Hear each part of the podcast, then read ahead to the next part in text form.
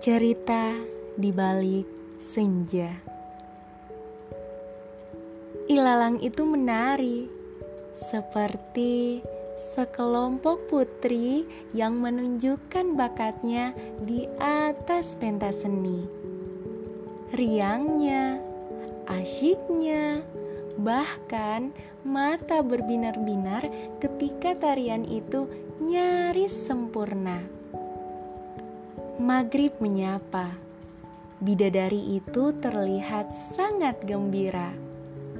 Kadang aku terpukul, bahkan cemburu melihatnya. Kitab suci dipeluk di dadanya, disambut dedaunan, pohon-pohonan, dan ada kalanya becek menghampiri. Langkah kecil yang tertatih namun terlatih. Yah, bidadari cantik ku beri nama. Bidadari itu tetap semangat menghampiri rumah Tuhannya. Apakah kadang ada rasa malas hadir dalam dirimu? Tanyaku. Bidadari cantik itu pun menjawab, "Ya, sesekali aku merasakannya, tapi Aku menepis rasa itu.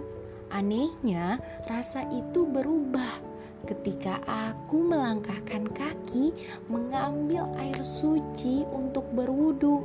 Kemudian, langkah kecil ini menyambut riang panggilan jiwa yang harus kupenuhi. Jawabnya, aku iri pada bidadari seperti itu.